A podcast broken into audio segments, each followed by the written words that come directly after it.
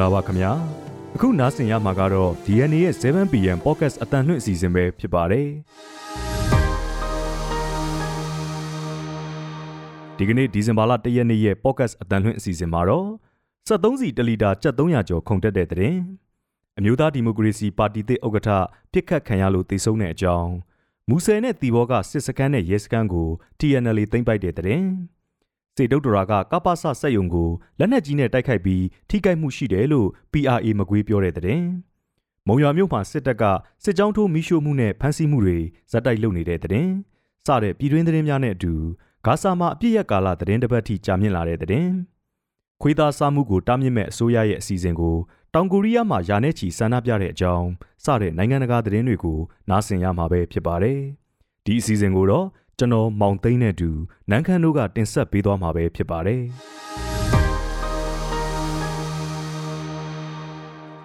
အခုပြည်တွင်သတင်းတွေကိုတင်ဆက်ပေးပါမယ်ရှင်။ပထမအဆုံးပြောပြချင်တဲ့အကြောင်းကတော့73စီ1လီတာ7300ကျော်ခုံတက်တယ်ဆိုတဲ့အကြောင်းပါ။ပြည်တွင်73စီဈေးကွက်မှာအသုံးများတဲ့92အောက်တိန်းနဲ့95 73စီတို့ဟာဒီကနေ့မနက်မှာ1လီတာကို7300ကျော်ရုတ်တရက်ခုံတက်သွားခဲ့ပါတယ်။ 73စီစီနှုန်းဟာမနေ့ကအထိ92အောက်တိန်း1လီတာကို2180ကျပ်95တလီတာကို2300ကျပ်ရိုးရိုးဒီဇယ်1လီတာကို2200ကျပ်ပရီမီယံဒီဇယ်1လီတာကို2290ကျပ်အထိပေါက်စီရှိခဲ့တာပါဒါပေမဲ့ဒီကနေ့မနက်မှာတော့92အောက်တိန်း1လီတာကို2510ကျပ်ဖြစ်သွားတာကြောင့်ကျပ်340လောက်စီးနှုန်းမြင့်တက်သွားပါတယ်။ အလားတူ95တလီတာကို2640ကျပ်ဖြစ်လာပြီးစီးနှုန်းမြင့်တက်မှုပမာဏထပ်တူရှိနေပါတယ်။ရိုးရိုးဒီဇယ်စီနဲ့ပရီမီယံဒီဇယ်စီတွေကတော့ကျပ်10ကနန်းလောက်သာစီးမြင့်တက်လာပါတယ်။ဒီကနေ့မနက်ပိုင်းစီးနှုန်းတွေအရရိုးရိုးဒီဇယ်1လီတာကို2210ကျပ်ပရီမီယံဒီဇယ်1လီတာကို2305ကျပ်ပေါက်စီရှိနေပါတယ်။ဇက်သုံးစီစီနှုန်းတွေအစမတန်ရုတ်တရက်မြင့်တက်နေပေမဲ့ ရန်ကုန်မြို့က73စီဆိုင်အများစုမှာတော့လိုအပ်တဲ့73စီကိုအလွယ်တကူဝယ်ယူလို့ရနေသေးတယ်လို့ရန်ကုန်မြို့ခံနေနဲ့အငားရင်မောင်းတွေကဆိုပါတယ်။ဒီလိုဈေးတွေမြင့်တက်သွားတာဟာ73စီရှားပါတာကြောင့်မဟုတ်ပဲစစ်အသုံးစရိတ်ပြနေတဲ့စက်ကောင်စီဟာနိုင်ငံခြားငွေချွေတာတဲ့အနေနဲ့73စီတင်သွင်းဖို့အမေရိကန်ဒေါ်လာကိုရောင်းချမပေးတာနဲ့73စီခွဲတန်းလျှော့လို့ဖြစ်တယ်လို့73စီတင်သွင်းတဲ့လုပ်ငန်းရှင်တွေနဲ့ရောင်းချသူတချို့ကပြောကြပါတယ်။ စက်ကောင်စီဟာ2022ခုနှစ်အောက်တိုဘာလ1ရက်ကစပြီးတော့92နဲ့95တင်သွင်းတဲ့လုပ်ငန်းရှင်တွေကို73စီတင်သွင်းမှု40ရာခိုင်နှုန်းကိုဗဟိုဘဏ်တက်မှတ်စီ1ဒေါ်လာကိုကျပ်2100နဲ့ရောင်းချပေးပြီးကျန်60ရာခိုင်နှုန်းကိုတော့ပြင်ပပေါက်စီနဲ့ဝယ်ယူဖို့သတ်မှတ်ထားတာပါဒုတိယသတင်းတစ်ပုဒ်အနေနဲ့အမျိုးသားဒီမိုကရေစီပါတီသစ်ဥက္ကဋ္ဌပြစ်ခတ်ခံရလို့သေဆုံးတဲ့အကြောင်းကိုပြောပြပေးပါမယ် အမျိုးသားဒီမိုကရေစီပါတီသစ် New National Democracy Party ဥက္ကဋ္ဌဦးတန်းထွန်းဟာဒီကနေ့မနက်၈နာရီလောက်ကတင်ငန်းကျွန်းမြို့နယ်ကနေအိမ်မှာတနက်နဲ့ပြစ်ခတ်ခံရပြီးတိတ်ဆုံးသွားတယ်လို့မြို့ကန်တွေစီကသိရပါဗျ။ဒါဟာစစ်တပ်အာဏာသိမ်းပြီးတဲ့နောက်နိုင်ငံရေးပါတီဥက္ကဋ္ဌတူပထမဆုံးအကြိမ်တပ်ဖြတ်ခံရတာဖြစ်ပါတယ်။မြို့သားဒီမိုကရေစီပါတီသစ် New National Democracy Party ဟာပြည်သူ့လွှတ်တော်ကိုယ်စားလှယ်ဟောင်းနဲ့လက်ရှိစစ်ကောင်စီအကြံပေးအဖွဲ့ဝင်ဦးသိန်းညွန့်ဦးဆောင်တည်ထောင်ထားတဲ့ပါတီဖြစ်ပါတယ်။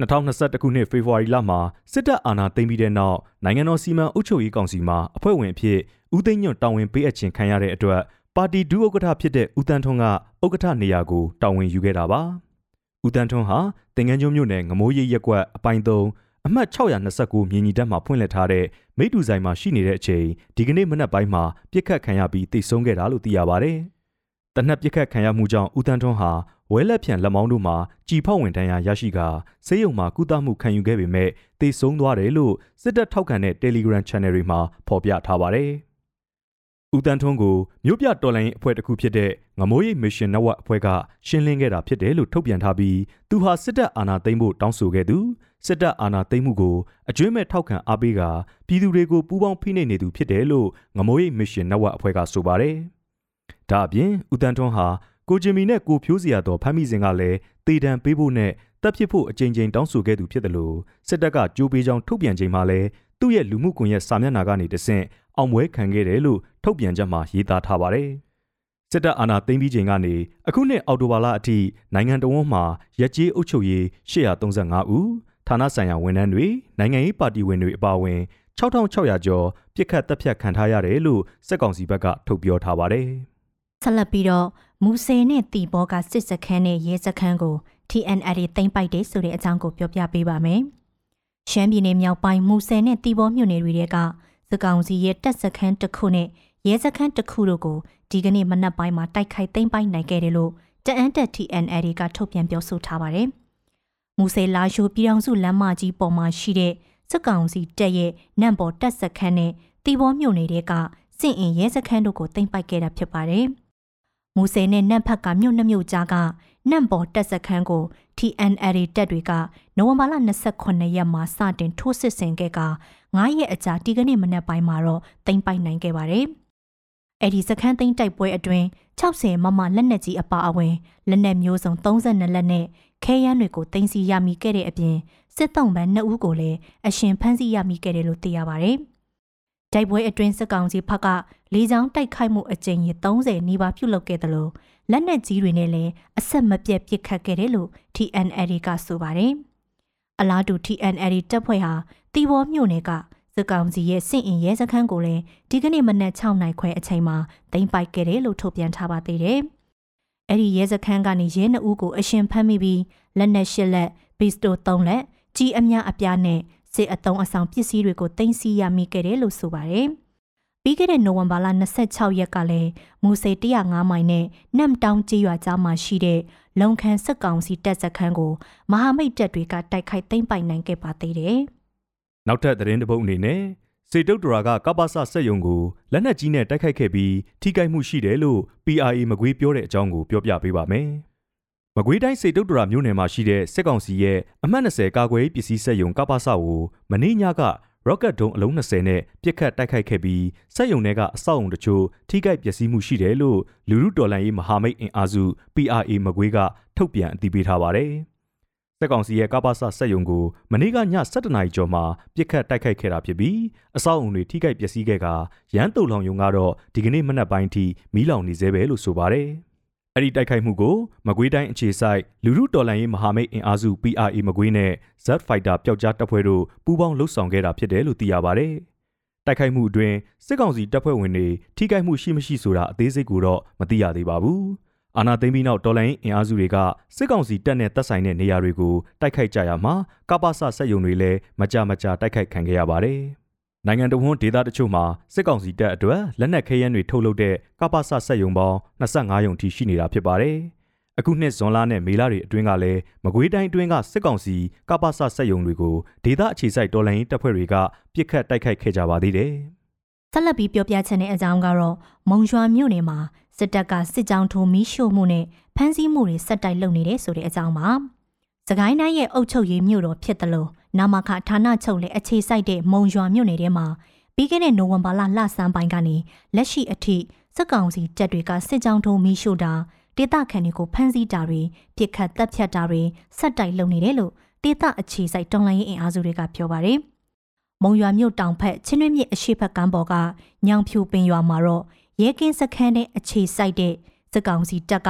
နေအိမ်တွေကိုမိရှို့ဖျက်ဆီးတာတွေလုပ်နေတာကြောင့်ဒေသခံတွေဟာနိုဝင်ဘာလ3ရက်ကတည်းကထွက်ပြေးနေကြရတယ်လို့မုံရွာအမြင့်လန်သတင်းမှန်ပြန်ကြားရေးအဖွဲ့ကဖော်ပြထားပါတယ်။ဒါအပြင်စစ်ကောင်စီဖက်ကပြစ်ခတ်တဲ့လက်နက်ကြီးထိတာပြစ်သက်ခံရတာနဲ့မိုင်းထိတာတွေကြောင့်တေဆုံးသူတလနီးပါအတွင်း15ဦးလောက်ရှိနေပြီလို့လည်းသိရပါတယ်။မနေ့ကလည်းညောင်ဖြူပင်ရွာတွေကနေအိမ်၅လုံးလောက်ကိုစစ်ကောင်စီတပ်ဖွဲ့ဝင်တွေမိရှို့ဖျက်ဆီးခဲ့သေးတယ်လို့ မုံရွာအမြင့်လန်သတင်းမှန်ပြန်ကြားရေးအဖွဲ့ကပြောပါတယ်။ပြီးခဲ့တဲ့နိုဝင်ဘာလ20ရက်ကလည်းပြူစောထီရွာတရွာဖြစ်တဲ့တောပူရွာအခြေဆိုင်စစ်ကောင်စီလက်အောက်ခံပြူစောထီတွေကပရစ်ကုန်းကြီးရွာတွေကနေအိမ်တွေကိုမိရှို့ဖျက်ဆီးခဲ့ပါသေးတယ်။ဒီကနေ့မနေ့အစောပိုင်းကလေးကနမခဌာနချုပ်ကထွက်လာတဲ့စစ်ကောင်စီတပ်သားတွေဟာတမန်တာရွာတွေကိုပြစ်ခတ်ဝင်ရောက်ကဒေသခံတွေကိုဖမ်းဆီးထားတယ်လို့မုံရွာမြို့နယ်သတင်းမှန်ပြန်ကြားရေးအဖွဲ့ကပြောထားပါတယ်။ အနာသိန်းစစ်ကောင်စီကိုခုခံတော်လှန်မှုအားကောင်းတဲ့စကိုင်းတိုင်းမှာဒေါ်လန်ရေးအင်အားစုတွေဟာတိုင်းမြို့တော်မုံရွာမြို့နယ်တဝိုက်အထိခြေကုပ်ယူလှုပ်ရှားနေကြပြီးသကောင်စီတပ်တွေလည်းမကြမကြတိုက်ခိုက်ခံရလိမ့်ရှိပါတယ်။ဆက်လက်ပြီးတော့နိုင်ငံတကာသတင်းတွေကိုကိုမောင်သိန်းကတင်ဆက်ပေးပါမယ်ရှင်။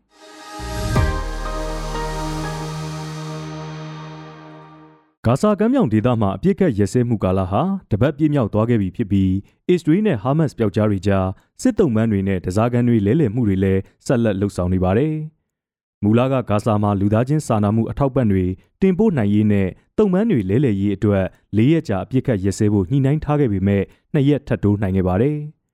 အဲ့ဒီထပ်တိုးသက်တမ်းကာလကုန်ကန်ဒီမှာဟာမတ်စ်နဲ့အစ္စရေးတို့ကဒီဇင်ဘာလ၁ရက်ထိနောက်ထပ်အနည်းဆုံးတစ်ရက်အပြစ်ခတ်ဆက်ပြီးရန်နာထားဖို့သဘောတူခဲ့ကြတာဖြစ်ပါတယ်။အဲ့ဒီနေ့မှာဟာမတ်စ်တွေကအစ္စရေးတစားကန်ရှူဦးကိုဂါဇာစီးတီးမှာရှိတဲ့ကြက်ချီနီအဖွဲ့စီလွှဲပေးခဲ့ပြီးအစ္စရေးကလည်းပါလက်စတိုင်း30ကိုပြန်လွှတ်ပေးခဲ့ပါတယ်။ပြန်လွတ်လာသူတွေထဲမှာအော်တိုဘာလ9ရက်တုန်းကဟာမတ်စ်တွေအလစ်ဝင်ရောက်စီးနင်းခဲ့တဲ့အချိန်အစ္စရေးဂီတပွဲတော်တစ်ခုကနေဖမ်းဆီးခေါ်ဆောင်သွားတာခံခဲ့ရတဲ့ အမျိုးသမီးနှစ်ဦးလည်းပါဝင်တယ်လို့အစ္စရေးဘက်ကအတည်ပြုထားပါတယ်။လက်ရှိအချိန်ထိအမျိုးသမီးနဲ့ကလေးတွေအများစုပါဝင်တဲ့တစားကန်တရားဝန်းကျင်လောက်ကိုဟာမတ်စ်တွေကပြန်လွှတ်ပေးထားပြီး138ယောက်လောက်ထိမ့်သိမ်းခံထားရစေလို့ယုံကြည်ရပါတယ်။အစ္စရေးနဲ့ဟာမတ်စ်တို့ဟာအပြစ်ခတ်ရစေးကာလကိုတတိကြီးကြီးညှိနှိုင်းပြီးရက်တွေတိုးနေပေမဲ့အချိန်တန်ရင်တိုက်ပွဲတွေပြန်ဆလာမယ်လို့နှစ်ဖက်စလုံးကအခိုင်အမာဆိုပါတယ်။လက်တလုံးမှာတော့ အစ္စရေးဟာဂါဇာမြောက်ပိုင်းမှာတပ်ဆွဲပြီးနယ်မြေရှင်းလင်းနေသလိုဂါဇာတောင်ပိုင်းနယ်မြေတွေထိဟာမတ်စ်တွေကိုထိုးစစ်ဆင်ဖို့ပြင်ဆင်နေပါတယ်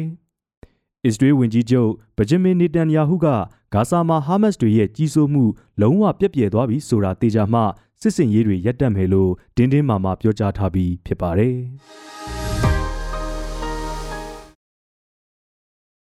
ခွေးသားစားမှုကိုဥပဒေနဲ့တားမြစ်မဲ့အစိုးရရဲ့အစီအစဉ်ကိုတောင်ကိုရီးယားမှာလူတွေရာနဲ့ချီစုဝေးဆန္ဒပြခဲ့ကြပါတယ်။နိုဝင်ဘာလ30ရက်နေ့မှာလယ်သမားတွေခွေးသားဟင်းလျာကြိုက်နှစ်သက်သူတွေစားတောက်ဆိုင်ပိုင်ရှင်တွေတားသက်ယုံလုပ်ငန်းလုပ်ကင်သူတွေကတမရအိမ်တော်စီချီတက်ပြီးအစိုးရရဲ့အစီအစဉ်ကိုကန့်ကွက်ခဲ့ကြတာဖြစ်ပါတယ်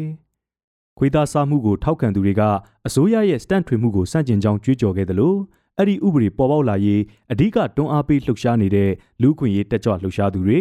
တောင်ကိုရီးယားသမ္မတကတော်ကင်ကွမ်ဟီကိုလည်းဆယ်ရေးအော်ဟစ်နေကြတာတွေ့ခဲ့ရပါတယ်။နောက်တော့ဆန္ဒပြသူတွေကလမ်းအတားဆီးတွေကိုဖယ်ရှားဖျက်ဆီးဖို့ကြိုးစားရာကရဲတပ်ဖွဲ့နဲ့ပဋိပက္ခတွေဖြစ်ပွားပြီးသုံးဦးထက်မနည်းအဖမ်းခံခဲ့ရပါတယ်။တောင်ကိုရီးယားလယ်သမားတွေကဥပဒေကိုအတီးပြုတ်ပြဋ္ဌာန်းမယ်ဆိုရင်သူတို့ဟာအသားပေါ်ဖို့မွေးမြူထားတဲ့ခွေးနှစ်တန်းလောက်ကိုလည်းလမ်းတွေပေါ်လွှတ်ပေးလိုက်မယ်လို့ချိန်ချောက်ခဲ့ကြပါတယ်။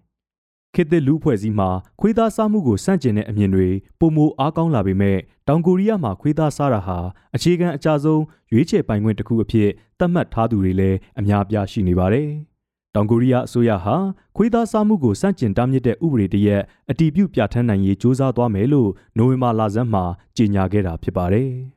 ။